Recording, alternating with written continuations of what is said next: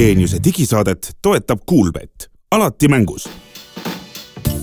tere, head kuulajad, kahekümne kuues veebruar on kätte jõudnud aastal kaks tuhat kakskümmend neli ja Geeniuse digisaates on täna Hans Lõugas, Meelis Väljamäe, Glen Pilvre ja me räägime tänases saates sellest, mis on meie võlg jaanuarist jäänud ühe selle aasta kõige tähtsama telefoni, tipptelefoni kokkuvõte, hinnang jah või ei, osta või ära osta lisaks on juttu uuest veel äh, suud lahti jätvast tehisintellekti mudelist, mis nägi äsja ilmavalgust ja arutame, mis juhtub maailmaga, kui see muutub kättesaadavaks. aga eraldi pühendame tänases saates tähelepanu teile, head kuulajad ja kuulajakirjadele.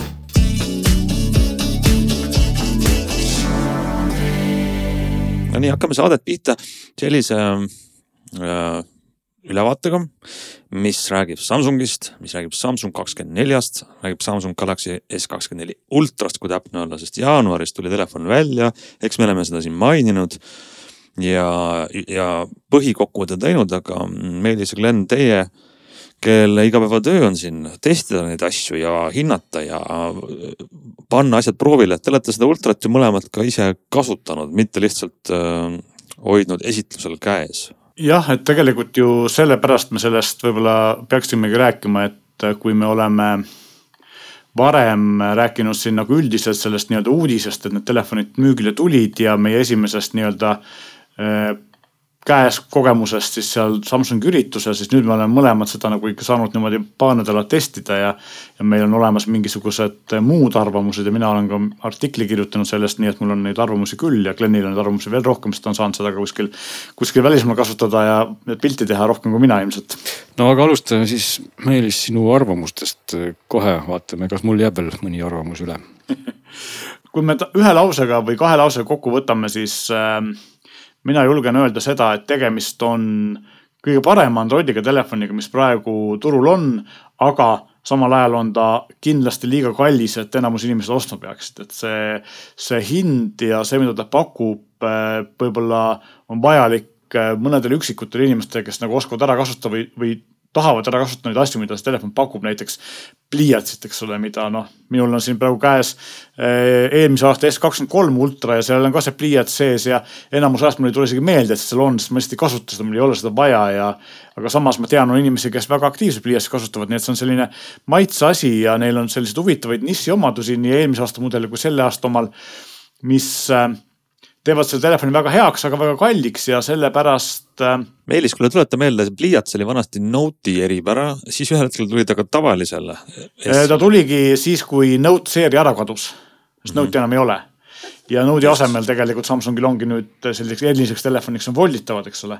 ja, ja sellepärast nad tegidki selle ultra kui siis kakskümmend kaks oli vist esimene, ultra kui siis Note'i sellise noh kuidas ma ütlen siis hingelise järeltulija või moraalse järeltulija ja, ja põhimõtteliselt eh, see S24 või S23 ultra või S22 ultra ka, kus esimene, mis pliiatsiga oli, ongi tegelikult ju Note kõige poolest välja arvatud nimi, et, et neil isegi see välimus oli algusest eriline, teistsugune, nüüd on nagu odavamad mudelid disaini poolest natukene järgi tulnud.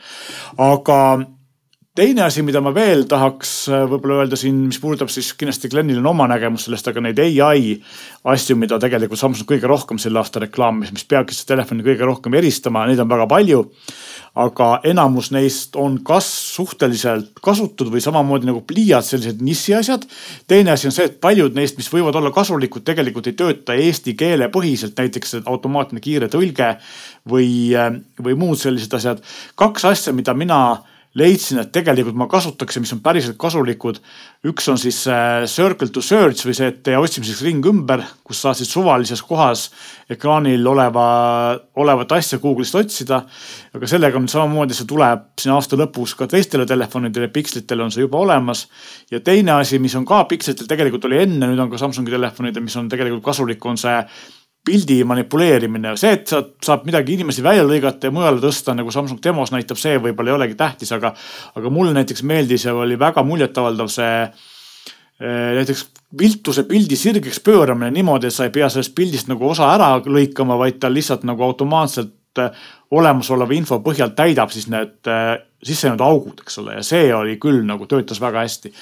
Eh, sõltub muidugi sellest, milline see taust on, kui sul väga palju infot on, siis see nii hästi ei tööta, kui sul on vähem infot, siis töötab väga hästi. ähm, et see osa on tegelikult nagu väga hea, et need olid need kaks ai omadust, mis, mis tegelikult siis äh, mul nagu muljet avaldasid. ja no lõppkokkuvõttes oligi see, et, et kuna on teada, et äh, Samsung äh, toob needsamad asjad ilmselt aprillis ka eelmise aasta mudelitel ja eelmise aasta ultra maksab noh, ütleme kolmandiku võrra vähemalt kakskümmend protsenti vähem ja on peaaegu sama hea, siis ma jõudsingi järeldusele, et kuigi see S24 Ultra on super hea telefon, siis tuhat nelisada eurot, noh, mina täiesti ei maksaks ja ma pigem ostaks eelmise aasta mudeli või enamusel inimestel tegelikult võib-olla piisaks mingisugust viiesaja eurosest telefonist. aga see ei tähenda, see oleks väga hea telefon et tegemist on Len, väga hea. kas sina kasutasid ja. seda telefoni ka välismaal, siin Meelis poetas siukse asja, et kas välismaal on midagi erilist? Ma mõtlesin just seda, et, et võib-olla Glenil oli rohkem võimalust pilti teha kui minul, et ma tegin suhteliselt vähe temaga pilti. ega siin ongi see koht, et kuna eelmine telefon ei ole üldse halb telefon, siis pigem jääbki üle nagu küsida, et mida sa saad siis nüüd rohkem, et sa ostaks uue ehk et ilmselgelt, kui sul täna on nagu S kakskümmend kolm ultra siis äh, neid põhjuseid võib-olla, miks tormata nüüd poodi ostma S24 ultrat nagu väga palju ei ole, et, et tõenäoliselt noh, esimene, esimene väga suur erinevus on selles välimuses, eks ole, et mul oli ka võimalus kõrvuti panna nad S23 ultraga ja tõepoolest äh, see uus on selline kandilisem ja, ja, ja noh, nagu kuidagi ägedam ekraan ja nüüd on tasapinnaline, mis nüüd kõigile meeldib. kunagi tuletan meelde, meeldis meile kõigile see kumeraservadega ekraan. Äh, selle koha pealt mina tahaks öelda seda, et see on maitse asi ja minule endiselt meeldivad selliste telefonide puhul kumerad ekraanid rohkem. jah, see lame ekraan on okei okay ja iseenesest see minu ostuotsust mingit pidi ühte või teistpidi ei mõjutaks. Äh, lame ekraan on kindlasti parem pliiatsi kasutades, kuna sealt lihtsalt see pliiats ei libise üle serva maha, eks ole. aga miks mulle meeldivad kumera ekraaniga telefonid sellise suuruse puhul on see, et see on väga suur telefon. ja kumera ekraan teeb selle käes hoidmise mugavamaks ja ta tundub käes väiksem, kui ta tegelikult on. lame ekraan tekitab tunde, et telefon on suur ja see on nagu see vahe. aga kui me ekraanist räägime, siis üks asi, mis mulle avaldas muljet, siis mul oli võimalus kõrvuti võrrelda, kuna mul on S23 Ultra ka, eks ole. Neid kahte telefoni, siis kõige suurem vahe, mida mina, mina ei oodanud, oli see, et sellel uuel Gorilla Glass mis iganes Gorilla Glass tal peal on, on, ta on matiks tehtud, ehk siis ta peegeldab kõvasti vähem ja see efekt on väga hea, ehk siis selles mõttes seda ekraani on näiteks, kui päike paistab, siis on palju parem vaadata, mitte seepärast, et ta eredam, on eredam ka, aga just see, et, et see peegelduse efekt on palju väiksem. Ja seda ma ei osanud oodata.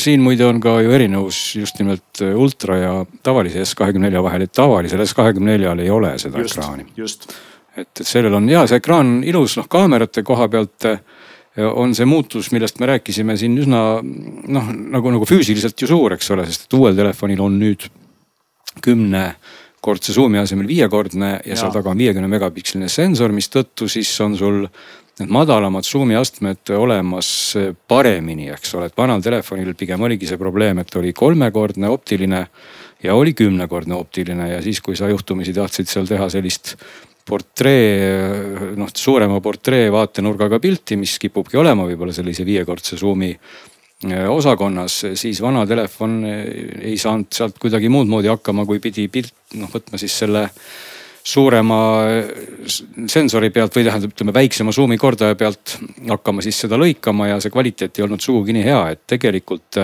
see uus viiekordne zoom on üks väga tore kaamera, ma peaks ütlema, et, et kui sa tahad, tahad viiekordse zoom'iga teha mingeid ägedaid portreesid või üldse mingeid selliseid, selliseid idüllilisemaid pilte, mis oleks kunstilise välimusega, siis tegelikult eh, see on väga selline hea ja magus koht on see viis korda, pigem ma isegi sain aru, et see mulle tundus nagu see kolmekordne natuke kasutu, et tegelikult uuel kaameral on täna ju noh, ultral me räägime, siis on see lainurk, on kolmekordne zoom ja on viiekordne zoom.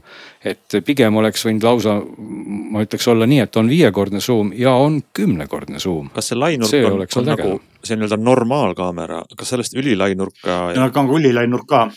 aga vot see ongi see, et mina võib-olla ka eelistaksin selle asemel, et võt-, panna sinna see kolmekordne zoom Äh, äkki hoopis teha see ülinurk kaameras. üks asi, mida, mis on siiamaani äh, sel telefonil nagu kehvem kui konkurentidel on just see, need väiksemad zoom'iga kaamerad ehk siis või ka väiksemad kaamerad, kui see põhikaamera on kahesaja megapiksline, eks ole, ja see siis viiekordne zoom on viiekümne megapiksline. siis need ähm, ultra on vist äkki kaheteist megapiksline ja siis kolmekordne zoom on kümne megapiksline. milles, mis, milles ei ole mitte midagi halba, aga, aga see vähendab nagu seda, kui tänapäeval on see arvutuslik fotograafia väga levinud ja hästi palju kasutatakse just seda sensori kroppi ehk siis nagu sellist hübriidzoom'i või, või digitaalsed summid nad digitaalseks ei nimeta, siis nende väiksete megapikslite arvuga seda väga hästi teha ei saa, eks ole, ja siin konkurendid on tegelikult nagu selle asja ära teinud. aga mis puudutab seda viiekordset suumi, siis mina olin või seda, seda objektiivi, mina olin selle koha pealt hästi skeptiline enne, kui ma seda telefoni proovida sain, sest et mulle tundus, et see võib olla tagasiminek. Samsung ütles, et et nema, nende uurimustöö on äh, öelnud, et kliendid kasutavad või tahavad kasutada rohkem just sellist viiekordset suumi või vahepealset, mitte kümnekordset nii palju. kümnekord on tore asi, aga viiekordset kasutatakse rohkem ja sellepärast selle otsuse tegid, sest ka iPhone'il ja Pixelil on, eks ole, samamoodi viiekordne suum. eks nad peavad olema sarnased. ja kui ma seda proovisin, siis üllatus-üllatus, äh, aga tegelikult on nii, et just see, et kuna suum on, optiline suum on väiksem, siis mis juhtub siis, kui ma tahan teha kümnekordset suumi, eks ole ja tuleb välja, et see suure megapikslite arvuga ja siis see nii-öelda sensor crop mida siis natuke töödeldakse, mida nad nimetavad optilise klassi digitaalseks suumiks või kuidas iganes seda nimetavad. see on niivõrd hea. just, no tegelikult on ta jah, nad ütlevad kadudeta, kadudeta digisuum või kuidagi niimoodi. see on tegelikult väga hästi tehtud ja see viiekordne, viiekordse läätsega tehtud kümnekordne suum on tegelikult Äh, sama hea kui eelmise kaamera kümnekordne suum või optiline suum. ja ma panin need pildid kõrvuti ja ma ütleks, et nad olid väga-väga sarnased, aga üks koht, kus tegelikult selle uue kaamera Kesk24-ga tehtud kümnekordne suum on kõvasti parem kui eelmise mudeli optiline kümnekordne suum on pimedas või hämaras, kui on vähe valgust. ehk siis ikkagi see suurem pikslite arv ja, ja see suurem võimalus valgust koguda annab eelise, kui ma tegin siin mõnedest siltidest pimedast pilti, siis no müra oli ka kümnekordselt suumil selle viiekordse objektiiviga oluliselt vähem kui, kui see vanal optilise suumi kaameral, nii et, et tegelikult seda ei pea kartma, vaid see, see on väga hästi õnnestunud muudatus Samsungil. nojah, vot see on nüüd positiivsed küljed, aga noh, negatiivne külg on ikkagi see, et nii kui sa hakkad sellest kümnekordsest suumist nüüd veel edasi digisuumima siis. ma ei ole seda kunagi teinud. siis muutub nähtavalt see uus telefon kehvemaks et, et kui sa nüüd teed sellise ekstreemse digisuumi, näiteks sajakordse suumi mõlema telefoniga mm, -hmm. siis vana ultra on tunduvalt parem kui uus ultra nii et eh, tegelikult noh, on see täpselt selline, et see kümme korda vanast või ütleme siis kümme korda uuest versus vana. loomulik kümme korda on jah, sihuke fifty-sixty, nad on nagu enam-vähem võrdsed. aga vanal telefonil on seda loomulikku detailsust rohkem, et tegelikult S kakskümmend kolm ultra kümnekordne suum. mina väidaks, et kui me selle pimeda osakonna maha tõmbame siis ta tegelikult on optiliselt eh, ilusam ja parem tulemus, et, eh, et proovisime seal udusel suusamäel teha ka neid pilte just võrdlevalt. ja tuleb tunnistada, et, et sellist detaili rebis sellest udust välja vähemalt meie võrdluses just see vana telefon paremini kui uus nii et eh, selles valguses mulle väga meeldiks, kui seal telefonil oleks see kolmekordne suum ära visatud ja selle asemel olekski viiekordne ja olekski kümnekordne. et see oleks nagu eriti äge, et ma, ma täpselt ei saagi aru, miks seal on kolmekordne ja viiekordne, need on nii lähedaste suumi faktoritega. kui me vaatame seda, et eh, tal on kahesaja megapiksline põhikaamera, siis ja. tegelikult sealt saab teha kolmekordset kadudeta täiesti edukalt. ja, ja., et, et see nagu jääb natuke mõistetamatuks, et miks nad on nii otsustanud võib-olla siis tehakse see järgmises S kahekümne viies nüüd ringi. sest tõepoolest see viiekordne on väga, see on siis sada kümme millimeetrit, kui me räägime nagu fotograafide keeles. ta on selline väga tore, tore nurk, millega, millega pilti teha. et eh, noh, kaamerate kvaliteedi kohta nad on nagu head, aga need pildid on sellise Samsungi koloriidiga, et mm, -hmm. et noh, kui, kui võrrelda siin noh, näiteks noh, mul on siin veel vana, vana hea OnePlus, millel on see Hasselbladi värvimaagia. ja ma pean nagu tunnistama, et, et see OnePlusi pildi koloriit, no muidugi meeldib mulle rohkem, ma võrdlesin ka natukene eh, Pixli piltidega mm, ja, ja ka kuidagi nagu see koloriidi pool, noh, ma ei tea, kas Samsung pingutab seal ka natuke nagu üle või need pildid näevad välja väga kihvtid ja toredad, aga justkui on nagu sihuke sinine taevas ja ja valge lumi ja siis nad kipuvad nagu olema natuke niisugused nagu rohekas sinakad või nagu liiga siuksed äh, saad Aga... suure boksikotiga vastu nägu kohe, et, et, et võiks võib-olla olla natuke sihukest tagasihoidlikumat soojust seal, aga, aga see noh, teist, teistpidi sa saad sealt ka neid raw faile muidugi kätte ja, ja kõike, et ega noh, paljud nüüd inimesed seda muidugi teevad.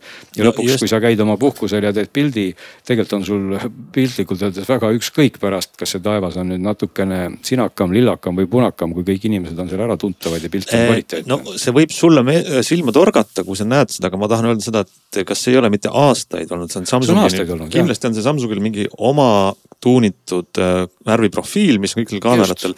ja kui sa tuled võib-olla kahekümne kolme või S kahekümne kahe pealt varasema pealt, siis see ei ole sul üllatav. aga ütleme, kui sa vahet, kui, kui näiteks no kui sina nagu testid erinevaid telefone, siis see torkab sulle vast rohkem silma teiste profiilide. aga, aga noh, see ei kuidagi nüüd ei pea see halvaks kvalifitseeruma mm, -hmm. et see mhm. ongi nii olnud, mis muide on väga hea ja, ja võib-olla oli põhjuseks ka välismaa natukene, igal see telefoni aku tundub väga hästi vastupidav, et olgugi, et tal on sama suur aku. Aga, aga noh, mulle tundub, see aku peab nagu, võib-olla ma nüüd liialdan, aga kaks päeva ilma laadimata vastu väga hästi. no ilmselt oleneb, palju seda telefoni tõesti kasutad, et palju sa seal suurel ekraanil nüüd müttad või võtad pliiatsi välja, hakkad seal kogu aeg joonistama või mängima siis ilmselgelt võib-olla see aku kulub rohkem, et äh, võib-olla oligi põhjus see, et ma lihtsalt ei tarvitanud seda telefoni nii sihipäraselt, nagu siis peaks. aga mulle jäi mulje küll, et see aku peab vastu erakordselt hästi, kohe nagu tõesti erakordselt hästi, et kui sa, kui sa telefoni vähe kasutad, siis ta nagu üldse ei saa tühjaks. jah, mina olin täpselt samamoodi, tegelikult avaldas mulle muljet ka eelmine S23 ja see S24 on natuke veel paremaks läinud, et see aku kestvus on seal äh, väga heaks tehtud jah. ja no laadimiskiirus on jah, sama endiselt, et nelikümmend viis vatti on siis ametlik maksimum, nii et noh, natuke jääb ta nendele Hiina konkurentide alla, aga, aga samas arvestades, et see aku peab tõesti hästi vastu. ei ole siin nagu põhjust liiga palju nagu viriseda.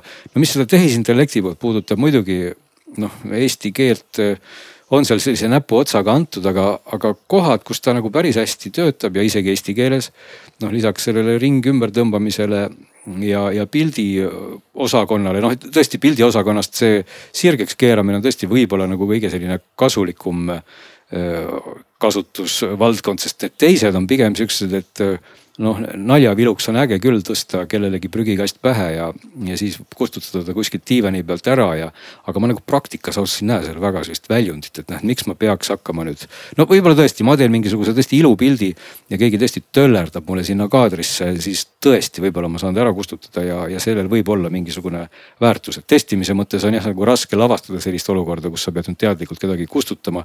pigem võiks seal võib-olla olla noh, just nagu Pixli puhul oli selline see grupipildi ilusate nägude välja selekteerimine, et see oli iseenesest tore omadus, et. et ka midagi taolist võiks ju iseenesest olla, et, et või, või noh, kasvõi, et sa teed kellestki näiteks portreepildi ja siis ai äh, ütleb, et vot see on nüüd sealt see kõige ilusam hetk, kus nina on sirge ja silmad on lahti või mida iganes, eks ole, sest inimesed teevad ju erinevaid nägusid, et võib-olla mingit taolist funktsionaalsust võiks seal isegi olla pigem selle kõrval, et ma saan äh, nii-öelda kustutuskummiga siis asjadele läheneda. aga pigem nagu minu selle mõte oli see, et siis see ai, mida Samsung väga kõvasti reklaamib ei ole tegelikult see, mille pärast ma selle telefoni ostaks või mõne konkurendi puhul, mille puudumine mind telefoni ostmata jätab. tahtsin siis mainida veel kasuliku omadusena, mis tõesti ka eesti keele ruumis väga hästi töötas, on see veebilehtede kokkuvõte, kui sa kasutad siis äh, Samsungi enda brauserit ta on kohe sellise eraldi välja toodud äh, nupukesena seal all, kui sa neid tähekesi seal vajutad, mis siis seda tehisintellekti aktiveerib, äh, teeb ta väga häid kokkuvõtteid. kas, kas sellel oli ka mingit mingeid piiranguid ka, näiteks siin see chat GPT mudelitel ja teistel ka pingil on tihti piirangud, et kui sa annad talle kokkuvõtte tegemiseks ühe uudise, kus on seos poliitika, julgeoleku, mingid kriitilised teemad, siis ütleb, et ei, mina neid ei puutu. tead, sai nii, mina proovisin, testisin eestikeelestada ERR-i lehega, mis on, ei ole ju maksumüüri taga ja mhm. põhimõtteliselt mitte ühegi uudise peale ta ütles, ta ei öelnud mulle ei, ta tegi kõikidest okay. nendest vähemalt kokkuvõtteid, ma tõesti nüüd ei süüvinud, kui kui väga poliitilised nad olid, aga, aga ilmselgelt jah, kui sa võib-olla suunad ta mõnele lehele, kus on juba siis sellist äh, sisu, mis äh, noh, mis võib-olla on natuke sensitiivsem, siis ta kindlasti ütleb selle kohta ei, sest ega teadupärast ka OpenAI keelemudelid ei taha ikkagi teha sulle kokkuvõtteid lehtedest, mis kuidagipidi ei ole võib-olla siis noh, mis on nagu see NSFV või mis see mis see tähis on, eks ole.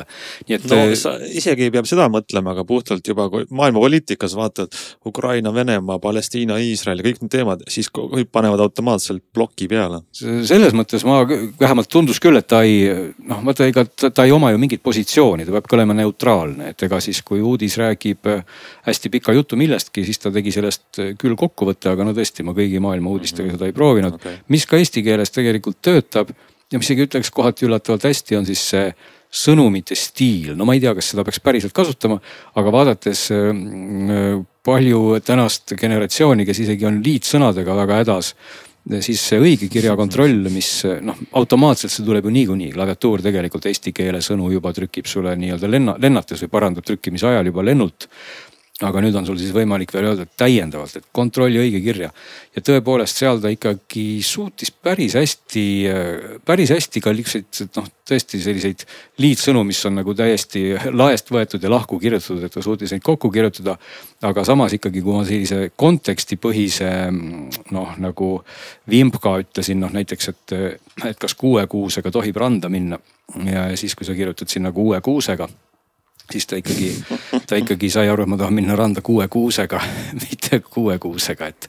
et, et mhm. selles valguses nagu päris sellist noh, nii, nii nutikas ta ikkagi eesti keele ruumis ei ole ja. kuule isegi ja... mina ei saanud aru, kellega sa tahad randa minna, nii et selles ma ei süüdistaks et.... see on vist kõige levinum selline jah, et, et ma ei tea, kust foorumist see kunagi see küsimus alguse sai, et kas kuue kuusega tohib randa minna või ka, või ka võib-olla viie kuusega. aga kui sa selle niimoodi lahti kirjutad, siis jääb mulje, et sa tahad randa väga palju kuuski kaasa võtta õigekirja koha pealt ka veel oli, oli kohti, kus ta, kus näiteks no ma, ma lihtsalt leidsin suvalistest foorumitest selliseid täiesti valesti kirjutatud asju, ma isegi ei genereerinud neid. et üks oli vist äh, asjaga ja keegi oli suutnud kirjutada asjaka, noh niimoodi, et i mm -hmm. ja kõva k ja telefon ei parandanud seda ikkagi siis seda asjaka, noh, seal oli vist küsimus, et kas selle asjaka on kiire või midagi sellist. neljanda klassi. ja no seda kirjutas täiesti täiskasvanud inimene, et see ei, see ei ole neljas klass, et selles mõttes ma saan aru, et see telefoni õigekirja. nelja klassi haridusega telefoni õigekirja parandamine on teema. aga igal juhul, kui oli kirjutatud siis, et kas asjaka on kiire, siis telefon parandas selle sõna hoopis asiakas, mis siis teadupärast on soome, soome keeles klient. see oli siis äh Samsungi klaviatuuri kasutades, eks ole? see oli tegelikult ei, see ei olnud klaviatuur, see oli siis see no. paranda õige kiri, see ai ah, okay. funktsionaalsus. et, et, et kui seda vajutades, siis, siis ta noh, pakkus selleks millegipärast asi hakkas. aga teistpidi nüüd need, need kohad siis, kus kus sa saad seda stiili muuta, need ka tegelikult eesti keeles töötavad ja, ja noh, ma ka nüüd ei oska öelda, kas ma praktikas seda tahaks nagu kasutada. aga ma pean nagu tunnistama, et, et nad ei et ühesõnaga, nad olid päris head, et nad olid ka eesti keeles päris head. et kui sa, kui sa saad, saad ühesõnaga valida sealt nagu kirjutamisstiilide osas, eks, et, et sa hakkad nagu siis kellelegi vastama, olgu see siis sul sõnumside või, või mingi messenger või mis iganes muu asi, eks ole. siis tekib sinna alla ka samasugune selline tähekeste nupp ja siis selle tähekeste nupu all on siis võimalik valida kirjutamisstiil ja ta pakub sulle siis mitmeid erinevaid stiile, stiilis seal mänguline ja sotsiaalmeedia ja asjalik või professionaalne. ja ta tõepoolest sõnastab sinu küsimused ümber. no ühesõnaga, ma kirjutasin praegu, kuidas läheb, originaal on kuidas läheb, siis professionaalne, tere, koma, kuidas teil läheb, lugupidamisega, minu nimi lihtne mäng on lihtsalt tervist hüüumärk sotsiaalmeedia on, kuidas läheb, siis on pandud selline smiley ja on siis tag itud ära tere ja Eesti. viisakas on, et kuidas teil läheb nii et noh, ütleme, see oli ka praegu selline hästi triviaalne näide, aga tegelikult, kui ma panen sinna ka mingi pikema teksti, siis ta tõepoolest sõnastab selle ringi. ma nüüd ei taha öelda, et ma, ma ei näe võib-olla ennast seda väga palju kasutamas. aga, aga ma saan aru, et, et miks mitte tulevik võiks ju selline olla, kus sa iseenesest võib-olla oskadki ainult kirjutada, kas asi aga on kiire ja kui sa nii oskad kirjutada, siis telefon on võib-olla väga abiks, kui ta parandab sinu sõnad kaks, ja, ja mõtted. Kaks äh, arvamust selle kohta, esimene arvamus on see, et see võiks olla kasulik emailis, mitte nii palju sõnumites, eks ole, emailis on tõesti, sest sul on vaja erinevas toonis kirjutada. aga teine asi on see, et äh, see ongi tegelikult minu arust suur oht, et kui meil need tehisintellektid ja muud asjad ikkagi meie eest asja ära teevad, siis me ei oskagi lõpuks kirjutada või rääkida, eks ole, et. seesama asi hakkas, on täpselt see asi, et kui me seda koolis ära suut-, ei suutnud õppida, kui, kui nüüd tulevikus meil jah, targad masinad selle asja ära teevad, siis me ei pea koolis ka tulevikus seda õppima, et see ei ole hea tegelikult. ma vaatan nüüd äh, siin Elisa Telia e-poodi, Telia e-poes on muide huvitav fenomen, et S kakskümmend neli ultra kahesaja viiekümne kuue gigabaidine maksab tuhat nelisada viiskümmend üheksa ja poole terabaidise mäluga maksab ka tuhat nelisada viiskümmend üheksa eurot. mingi anomaalia seal on. mida ma tahan äh, küsida? alguses et... olid niimoodi, et äh, selle nii-öelda eeltellimise perioodil pakkuski Samsung poole suurema mäluga sama hinnaga. aga, aga see on võib-olla jäänud, sest et tegelikult kampaania peaks läbi olema. mida ma tahan küsida, et kui me nüüd vaatame seda tuhat nelisada viiskümmend üheksa, olgu siis mis tahes mälumaht all versus tuhat ükssada viiskümmend üheksa S kakskümmend neli plussi eest või siis alla tuhandega saab S kahekümne nelja mida te ütlete, kas see hind ja selle, selle lisavõimalused on nagu korrelatsioonis või? jah, selles mõttes on korrelatsioonis, et kui sul on vaja, kui sul on vaja pliiatsit näiteks, kui sa tahad paremat ekraani, kõike seda, siis. ma tahaks näha, ma tahaks näha seda Eesti inimest, näidake, saatke foto inimesest, kellel mul on vaja pliiatsit. aga see ongi see täpselt see, et kui sul on vaja neid niši asju, sa oled see niši inimene, siis sa lihtsalt maksad selle summa ära. teine asi on see, et kui sul neid vaja ei ole, siis pluss on tegelikult enamusele inimestele võib-olla parem telefon. ma julgeks arvata, et veel parem telefon on alla tuhande euro maksev OnePlus kaksteist, mis on mul ka praegu olemas ja millest ma räägin võib-olla järgmises saates. et, et selles mõttes noh, ma, küsimus on hoopis selles, kas telefoni eest on vaja maksta neljakohalist summat. täpselt sama asi kehtib selle kohta, kas sul on vaja iPhone viisteist Pro Maxi tuhande viiesaja euro eest, eks ole, noh tõenäoliselt ei ole, aga ta on kõige parem iPhone. ehk siis äh, jah. aga ilma pliiatsita. no see on hoopis teine teema aga jah, selles mõttes, kui sul on neid lisaasju okay. vaja, siis okei okay,, aga muul juhul ja noh, lisaks sellele et, et, et üheksakümnele protsendile inimestest tegelikult piisab viiesaja eurosest telefonist. ma arvan, et ka mulle, kui ma peaks oma raha eest ostma telefoni, mitte ei oleks mul Samsungi poolt antud demotelefon, mille ma kunagi tagasi andma, siis, äh, siis ma ilmselt kasutaksin pigem mingit viiesaja eurost telefoni, mitte tuhande eurost see, see kõlab väga mõistlikult, ma ise oleks sama pakkunud. Glen, kas sinu arvamus ühtib sellega või sul on, sul on mingi teine seisukoht?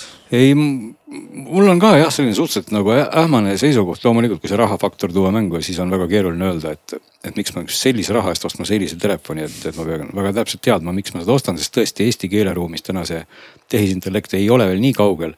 et, et noh, mulle, mulle võib-olla, kui mul oleks palju raha ja ma peaks ostma ikkagi Android telefoni minu valik kalduks täna ikkagi Pixli poole, mulle, mulle meeldib see Google'i kaamerate pool ja samamoodi Google on Pixlisse tehisintellekti ka sisse pressinud ja pressib seda kogu aeg väga palju, et, et selle koha pealt ilmselt ei jää nad üldse nagu alla. aga see ei tähenda, et Samsung oleks kuidagi halb telefon, mis muide kõikide Samsungite puhul alati mind mm, tegelikult äh, häirib ja see ei ole nüüd S24 ultra probleem on klaviatuuri probleem, et ma olen harjunud äh, jällegi oma OnePlusiga ja Samsungid vormistavad selle klaviatuuri alati selliseks, et siin need õ-d ja ö-tähed on pressitud niimoodi no kuidas ma seda nüüd lühidalt kokku võtan, Samsungi klaviatuurid on hästi väikesed, et nad on, nad on natukene väikesemad, kui on äh, näiteks OnePlusi klaviatuur, sest et Samsung üritab mitte siis tähti servani venitada, et kui teha Samsungi klaviatuur lahti, siis on näha näiteks, et äh, teine tekstirida ei ulatu päris telefoni servast servani ja alumise tekstirea kõrval samuti on mingisugused mustad augud. et tegelikult arvestades telefoni ekraani suurust, tundub mulle väga loogiline oleks, et, et tekstiklahvid võiks ikkagi ulatuda servadeni, sest siis lähevad ju klahvid suuremaks. tõsi, sellel S24 ultral on nii suur ekraan et see nagu otseselt väga ei häiri, aga noh, tuleb tunnistada, et ikkagi, kui olen, oled harjunud nagu suurema klaviatuuriga, siis ma suudan sealt mööda vajutada kogu aeg ja rääkimata nüüd väiksest telefonist, et mulle kohe meenuvad siin need äh, fold'id, mis on väga kitsad, kui sa teed selle lahti, siis on see klaviatuur minu jaoks peaaegu kasutamatu, ehk et Samsung võiks seda oma tehase klaviatuuri ka natukene mhm. ümber mm. lihtsalt on... vormistada õnneks on Androidi puhul olemas valikuvabadus ja mina ei oska ja. selle kliendiga selle koha pealt üldse kaasa rääkida sel põhjusel, et üks esimesi asju igal telefonil, millel on mingi oma klaviatuur, läheb see klaviatuur minema ja Google'i klaviatuur läheb asemele. ja no, ma jah. isegi ei ole kunagi Samsungi klaviatuuri kasutanud, nii et, et okei okay,, ma korraks proovisin neid samu sõnumite korrigeerimist, mis minu arust klaviatuuri vajab, eks ole, Samsungi oma.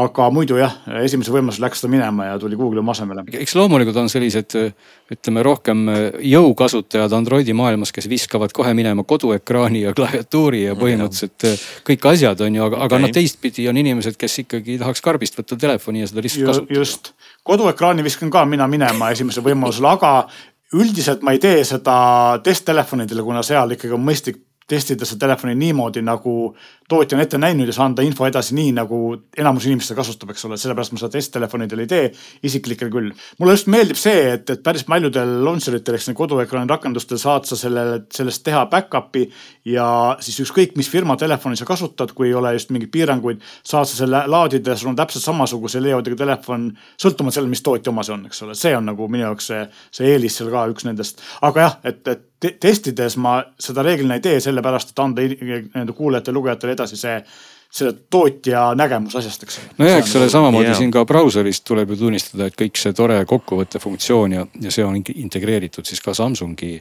brauserisse, et, et mõnes mõttes ka selline nagu kummaline lahendus, et ühtepidi neid kasutatakse Google'i eh, mootoreid ja tehisintellekte siin eh, taga, eks ole, aga siiski surub Samsung siia oma brauserit, mitte siis ei poogi seda juba Chrome'ile külge, et, et see on ka nagu üks koht, kus sa nagu ühe jalaga justkui sul on selline väike Samsungi pomm siis heas või halvas mõttes nagu jala küljes ja teistpidi kasutab see ikka neid Google'i teenuseid et eks siin väike segadus on. seda teevad muidugi kahjuks paljud, et see topelttäppide asi on ikka jätkuvalt olemas.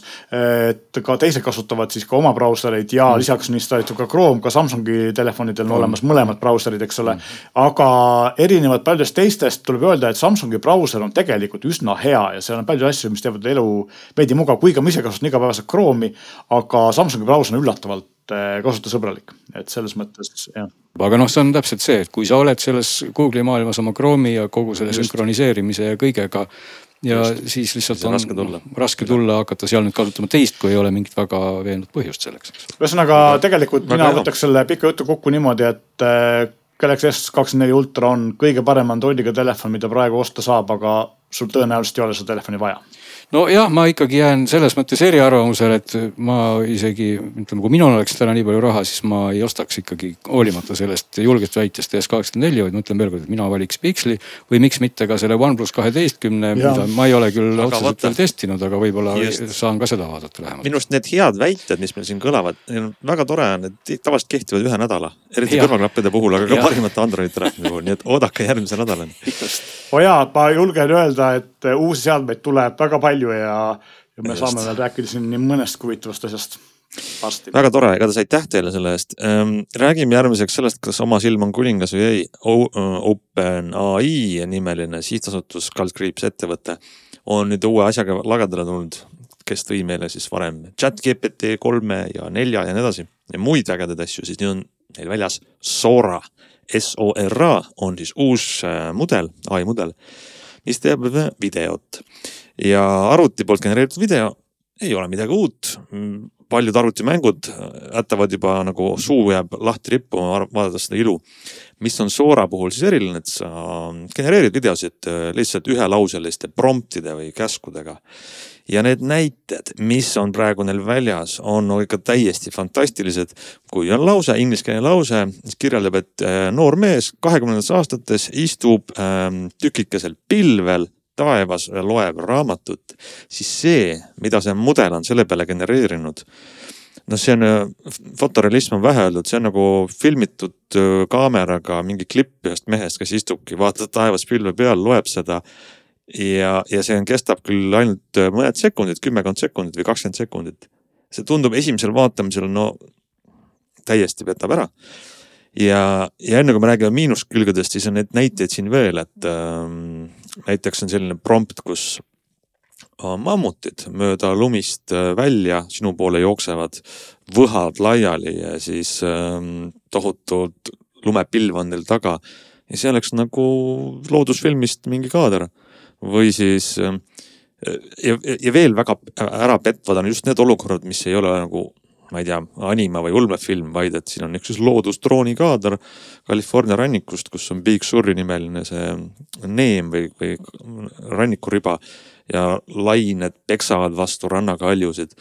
kui ma näeksin seda telekast või, või kuskilt videost, siis see oleks mulle noh, ma ei kahtleks mitte hetkegi, et see on genereeritud video ja siis on muidugi näited veel, mida saab siis veel teha äärmiselt realistlikult, siin on siis mm, selline video, kus Äh, mille kirjeldus oli fotorealistlik lähivõte sellest, kuidas kaks piraadilaeva võitlevad üksteisega seilates tassikeses kohvis. ja siin ongi kohvitass, loksuvad lained ja piraadilaevad seal võitlevad. no ühesõnaga, see ei ole, see Soora veel avalik, igaüks ei saa seda kasutada, nad veel hoiavad seda kinni igaks juhuks. aga juba, mida on näha, on no meeletu arenguhüpe jällegi selles, et sa ühest lausest genereerid video äh,. väga noh, ütleme nii, et me kõik nägime, see tuleb nii kui tulid äh, tekstipõhised pildid, pildigeneraatorid nii oli teada, et on ainult väike samm selleni, kui tulevad videogeneraatorid.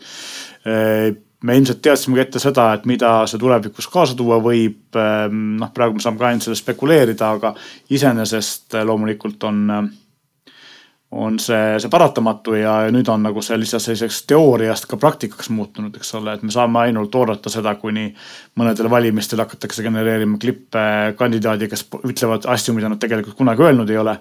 Ja, ja teised asjad loomulikult, ma ei tea, me võime siin rääkida igasugusest deepfake idest ja, ja kuulsuste manipuleerimisest ja muudest asjadest, mis on nagu ühtepidi kohutavad. ja loomulikult äh, nii riigid kui, kui siis need firmad ise panevad sinna piiranguid ja, ja, ja teevad vesimärke ja asju, aga, aga noh teatavasti, kui kass on ikkagi kotist välja astunud, kassi kott tagasi ei pane, nii et selles mõttes me võime ainult ette kujutada, kui see paratamatult liigub kuskile tumeveebi või mingi, mingisugune eh, sarnane asi luuakse mõne, ma ei tea, Põhja-Korea või Hiina või Venemaa poolt, eks ole, mida nad ilmselgelt varsti teevad, siis eh, noh, asi läheb põnevaks ühtepidi ja hirmutavaks teistpidi nendel videotel, nendel videotel on, kui sa nüüd, kui sa tead ai videod ja sa vaatad iga klippi mitu korda, siis sa näed ära. Siin on asjad detail, mis reedavad, lained liiguvad ebaloomulikult. näed ära. inimeste näpud on ikkagi mingid ja. probleemsed kohad. kuidagi. mõne aasta pärast enam ei näe mõne aasta pärast mitte, aga praegu ma ütlengi, et, et tasub juba hakata ennast treenima, mitte masintreenimine, inimtreenimine hakkab, et kuidas neid detaile vaadata. kui mees loeb Piltide... raamatut, siis paberileht liigub ja. ebaloomulikult piltide puhul on praegu ikkagi see, et sa enam ei tee vahet, vähemalt mitte väga treenitud silm ei, mina enam ei tee vahet. No siin võib-olla kui positiivsemat poolt kogu selles asjas vaadata on see, et, et kõik sellised tehnoloogiad on ju tulnud multimeediatöötlusesse selliste trepiastmetena, et oli, olid ajad, kus me salvestasime nii pilte kui heli kuskil traadi peale ja siis lindi peale ja siis arvutiketta peale ja, ja siis me töötlesime seda tööriistadega. aga me tegime seda ise. ja, aga need tööriistad on muutunud kogu aeg järjest paremaks, et alguses me tegime seda päris ise, siis meil oli hiir, siis me lohistasime, siis me juba trükkisime, siis me joonistasime, nüüd me räägime mina, mina kaalun ka sinnapoole, et see on uus tööriist, evolutsioon tööriistades. ja kui see tööriist muutub väga laia tarbetööriistaks, seega mina ütleks kõvasti devalveerib seda mm, nagu siis heas mõttes devalveerib sellist deepfake indust, sellepärast et see võimalus on kõigil.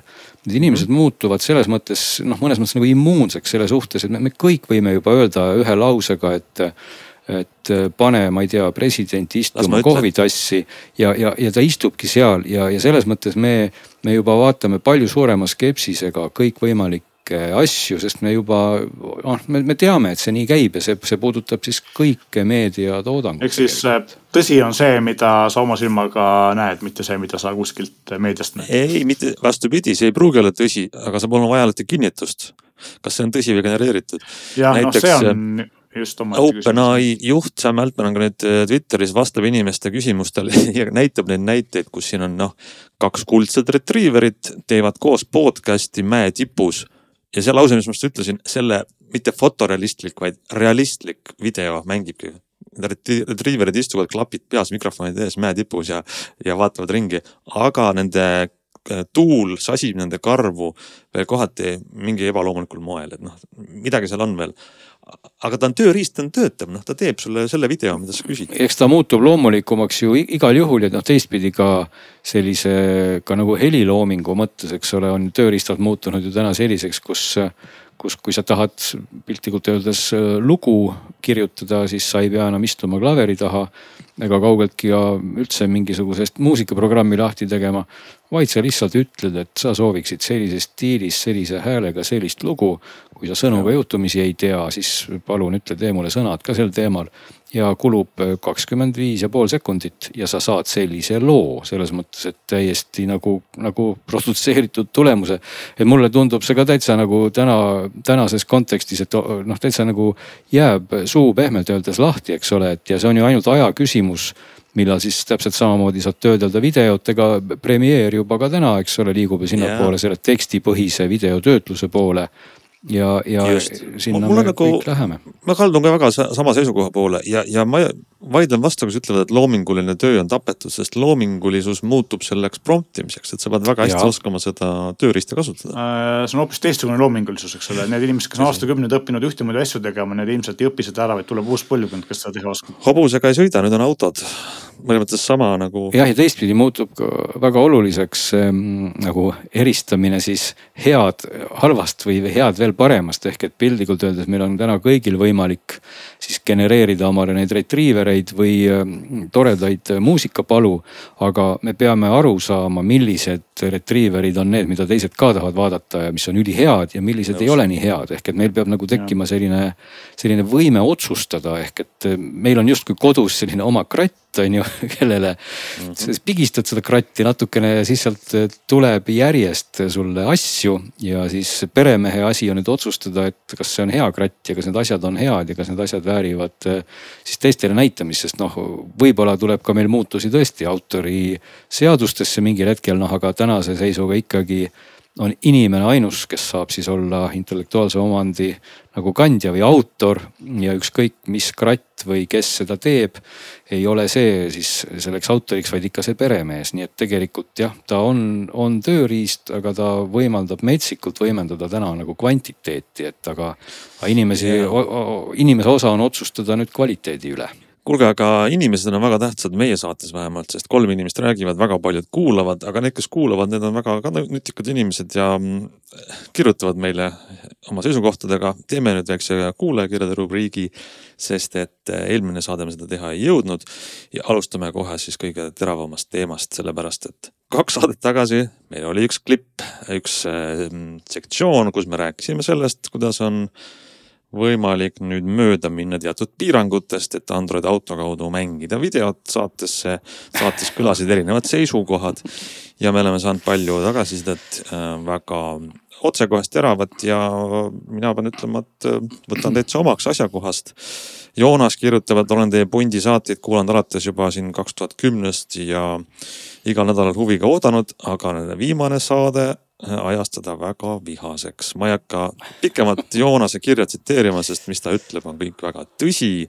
minu arust etteheide nii Glenni seisukohtadele kui ka kaassaatejuhtidele, et, et nii ei ole vastutustundlik teha. ei no kaassaatejuhte pigem ikkagi Joonas tunnustas tegelikult no,, et. eks siin võib-olla tuhka raputada võivad kõik. Agu kirjutab, et ka tema arvates see ei ole turvaline videot vaadata, kui ise juhtida samas Aku ütleb, et kui on probleemiks juhtme või Android auto puudumine ja soov sõidu ajal sihtkohta toksida, siis hea lahendus on selleks wireless Android auto adapter. Ehm, ja tal on ka päris hea link selleks. Ehm, ja neid kirju tuli veel vist, kui ma ei eksi, ja tagasisidet. ma võin sellele reageerida. kui tohib, et eh, eks selge see, et minu eh, väljaütlemistes oli teatav annus provokatiivsust, mis oli ka eesmärk loomulikult ja tegelikult äh, oli seal taga ka selline väikene nagu paralleel või võrdlusmoment, et äh, absurdsed piirangud tekitavad tihti inimestes loomingulisi ideid, äh, muutmaks olukordi veel ohtlikumaks. ehk et see lühidalt öeldes tähendab seda, et kui me paneme piltlikult siis Pirita teele kolmekümne märgi siis inimesed muutuvadki leidlikult loominguliseks, hakkavad vaatama autost televiisorit ja kokkuvõttes sõidavadki lapsevankrile otsa et see ei ole hea mõte panna sinna kolmekümne märki, täpselt samamoodi nagu ei ole Android autos mõtet piirata klaviatuuri kasutamist, sest eh, sellised leidlikud idioodid nagu mina teevad nii, nagu ma eelmises saates või üle-eelmises saates kirjutasin ja muutuvad kokkuvõttes palju ohtlikumaks. Ehk teistpidi eh, Android auto tegijad mõtlevad välja, et oi, me teeme hästi ohutu süsteemi, aga nad ei arvesta sellega, et, et eh, inimesed on veel leidlikumad ja selle süsteemist kõrvalehiilimise nimel loovad hoopis ohtlikuma olukorra. nii et minu see võib-olla kergelt provokatiivne idee, et vaatame sõidu ajal televiisorit, oligi adresseeritud sinna, et tegelikult sõiduteel peaks autoga sõitma nii kiiresti, nagu see sõidutee võimaldab. ei ole vaja teha idiootseid piiranguid äh, jutumärkides lennuväljadele ja andmaks inimestele hoopis sisendit tegema autos midagi muud peale auto sõitmise, et. et tegelikult need asjad peaks olema omavahel tasakaalus, nii et see oli võib-olla selle minu sellise näite alltekst, et ma ei, kindlasti ei propageeri seda, et me peaksime kõik vaatama sõidu ajal televiisorit. aga teistpidi ma ütleksin, et, et meie nagu piirangute ja seaduste tegijad võiks mõelda, et, et lihtsalt jõuga teha täiesti läbimõtlematuid otsuseid on tihti tagajärjed hoopis hullemad kui oleks nad mõistlikumate otsuste puhul. loodame, et tagajärjed on äh, ikkagi, tagajärgi ei tule noh, tahaks nagu loota, et neid ei tule jah, et, et selles mõttes ei ole, ei ole lihtsalt äh, noh, ütleme pilti või, või olukorda peab vaatama nagu tervikuna, ei saa teha nagu ühe käega ühte, teise käega teist ja jalgadega kolmandat asja, et, et see pool tundub olevat et noh, meie, meie nagu kogu see liiklus ja rääkimata Tallinna liiklus, eks ta ongi üks selline suur kaos, et kõigil on meil siin on muidugi oma arvamus ja siis on, on keegi, kes otsustab. ja, ja ega siin väga raske on öelda, mis on õige või mis on vale aga, aga puudu jääb sellisest komplekssest visioonist, et me nagu justkui rauhti otsustame ühel hetkel. Meil on neid näiteid ju linnaliiklusest küll ja veel, noh alates kasvõi punast värvi jalgrattateedest ja. ja no selliseid täiesti nagu mõnes mõttes koomilisi lahendusi, mis justkui üleöö saabuvad ja siis ühe hooajaga jälle kaovad ja, ja, ja noh, keegi nagu ei vastuta, keegi nagu ei tea, et, et see jutt läheb meie saate kontekstist praegu natukene välja aga, aga sinna pigem oli adresseeritud ka minu jutumärkides leidlikud mõtted, kuidas siis eh, oma aega parajaks teha parajasti, kui sa siis oled sellises kohas, kus on kolmkümmend kilomeetrit tunnis liikuv auto suurel laial teel.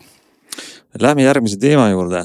Tambet kirjutab meile Telia hindadest, millega me siin eelmine saade saime ka arutada, aga Tambet annab meile väga huvitava kogemuse, juhtumi enda käest, kes ta on olnud pikalt Telia interneti ja teleklient, siis nägi, et Elisal on paremad hinnad. ja ta ütleb, et on naljakas kogemus, et kui siis Telia saidile sisse logides, ta saab kliendina esmalt teate peatselt tõusvatest ähm, hindadest, et uuest kuust on jälle paar eurot tuleb juurde. ja kui ta siis lõpuks otsustab seal iseteeninduses selle teenuse lõpetada, siis automaatselt ta saab samadele asjadele äh, tasuta perioode miks ei võiks neid kohe pakkuda. Ja ta soovitab, et jalgadega hääletamine töötab.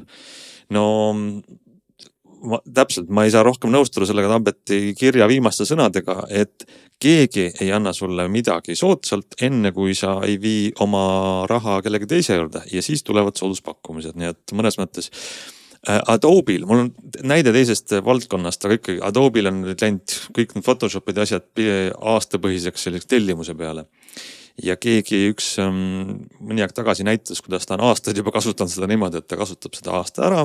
siis kui hakkab uue perioodi eest maksmine, ta tühistab tellimuse ja ta saab automaatselt poole odavama. siis on ta, kasutab aasta aega ära, periood lõpeb, ta tühistab tellimuse, saab jälle poole odavama, nii et kusjuures mina olen sama kuulnud äh, just Adobe asjade suhtes.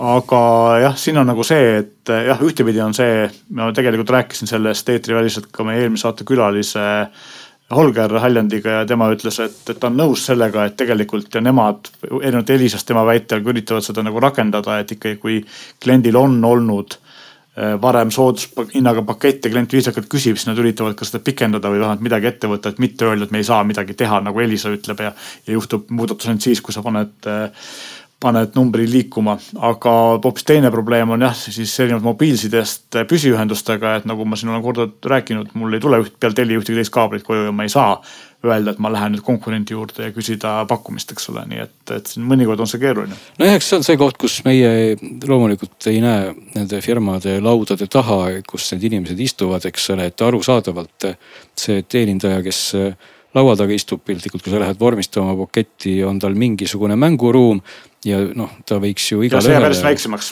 no just ja ta võiks igale ühele öelda, et kohe teeme sulle kaks korda odavama hinna, aga ilmselt see mänguruum ongi täpselt nii suur, et, et kui noh, ühesõnaga, et tema mänguruum ei ole nii suur kui see mänguruum, mis tekib siis, kui klient viib piltlikult lahkumisavalduse lauale, eks ole, et siis on kohe suurem mänguruum. ja, ja see mänguruum on teistel inimestel, eks mitte klienditeenindajal poes või, või seal chat'is, eks ole, et Just. reeglina on see mänguruum müügi, müügiosakonnal ja, ja mitte siis tavaklassi klienditeenindajatel, millest on kahju, aga paratamatult see nii on jah.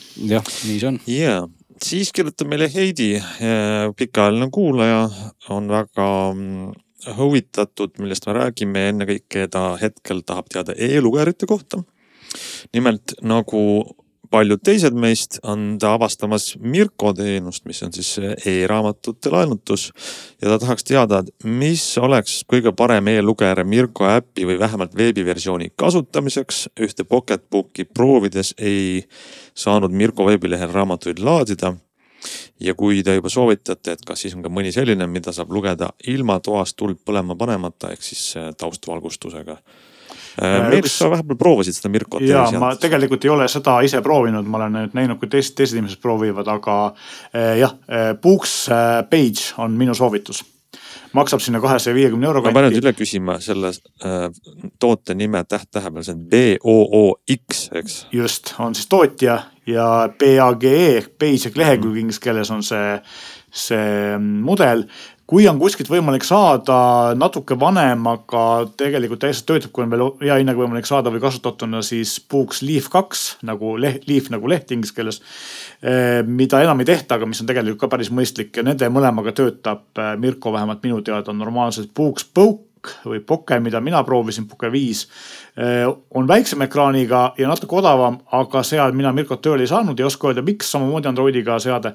põhimõtteliselt kõik Androidiga e-lugerid peaksid töötama, aga nagu see Poke viis äh, näide näitas, et alati ei pruugi Mirkol olla sellega ühilduvust, ma arvan, et see on Mirko arendajate poolne mingisugune tegemata jätmine seal ja noh, kõiki nad ei saa testida, eks ole, et need riigil ei ole nii palju raha, et kõiki seadmeid osta ja proovida, onju.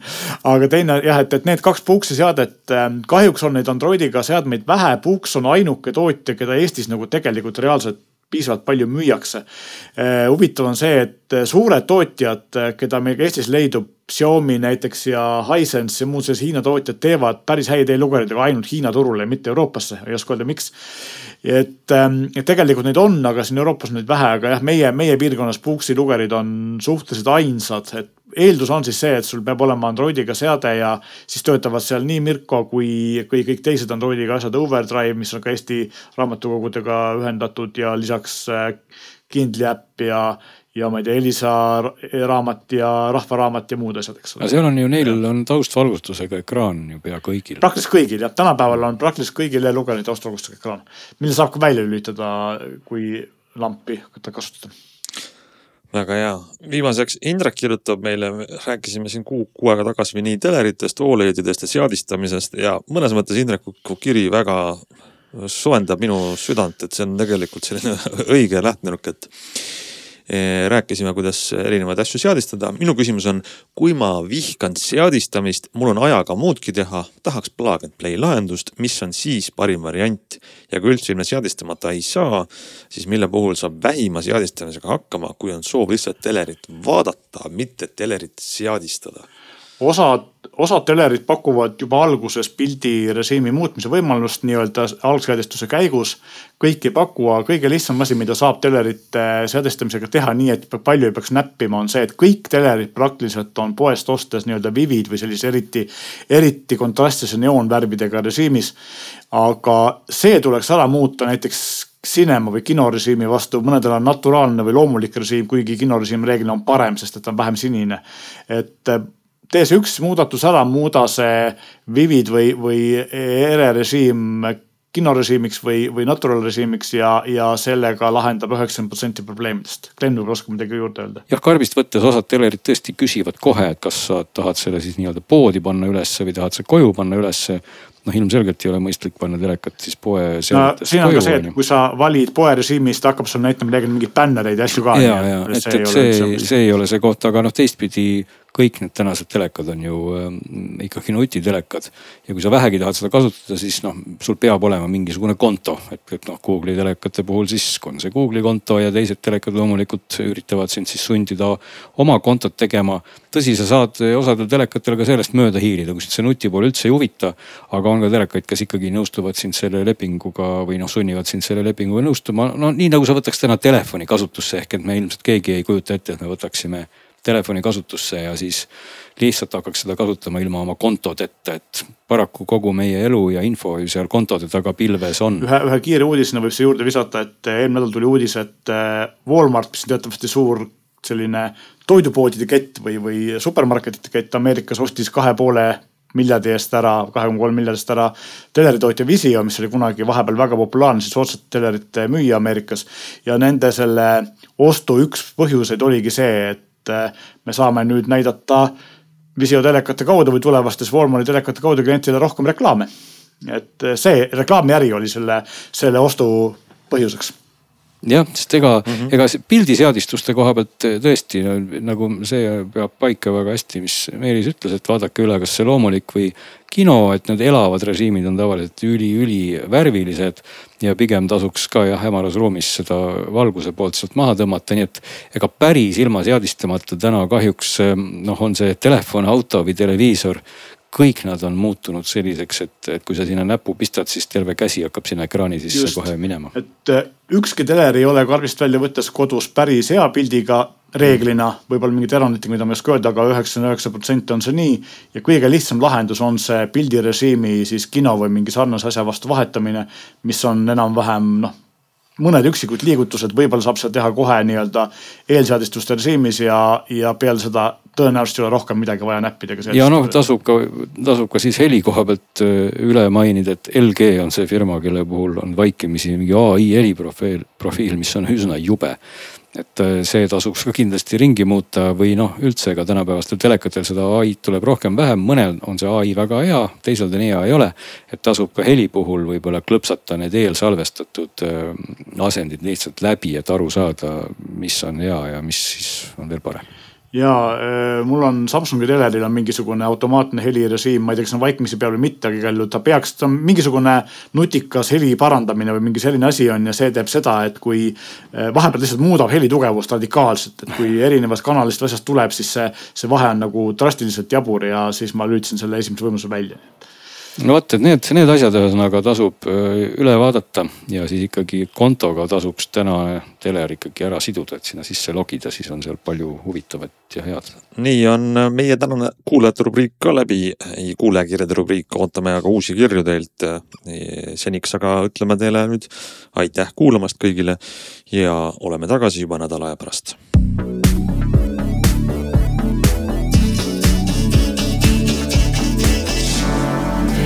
geeniuse digisaadet toetab Kuulbett, alati mängus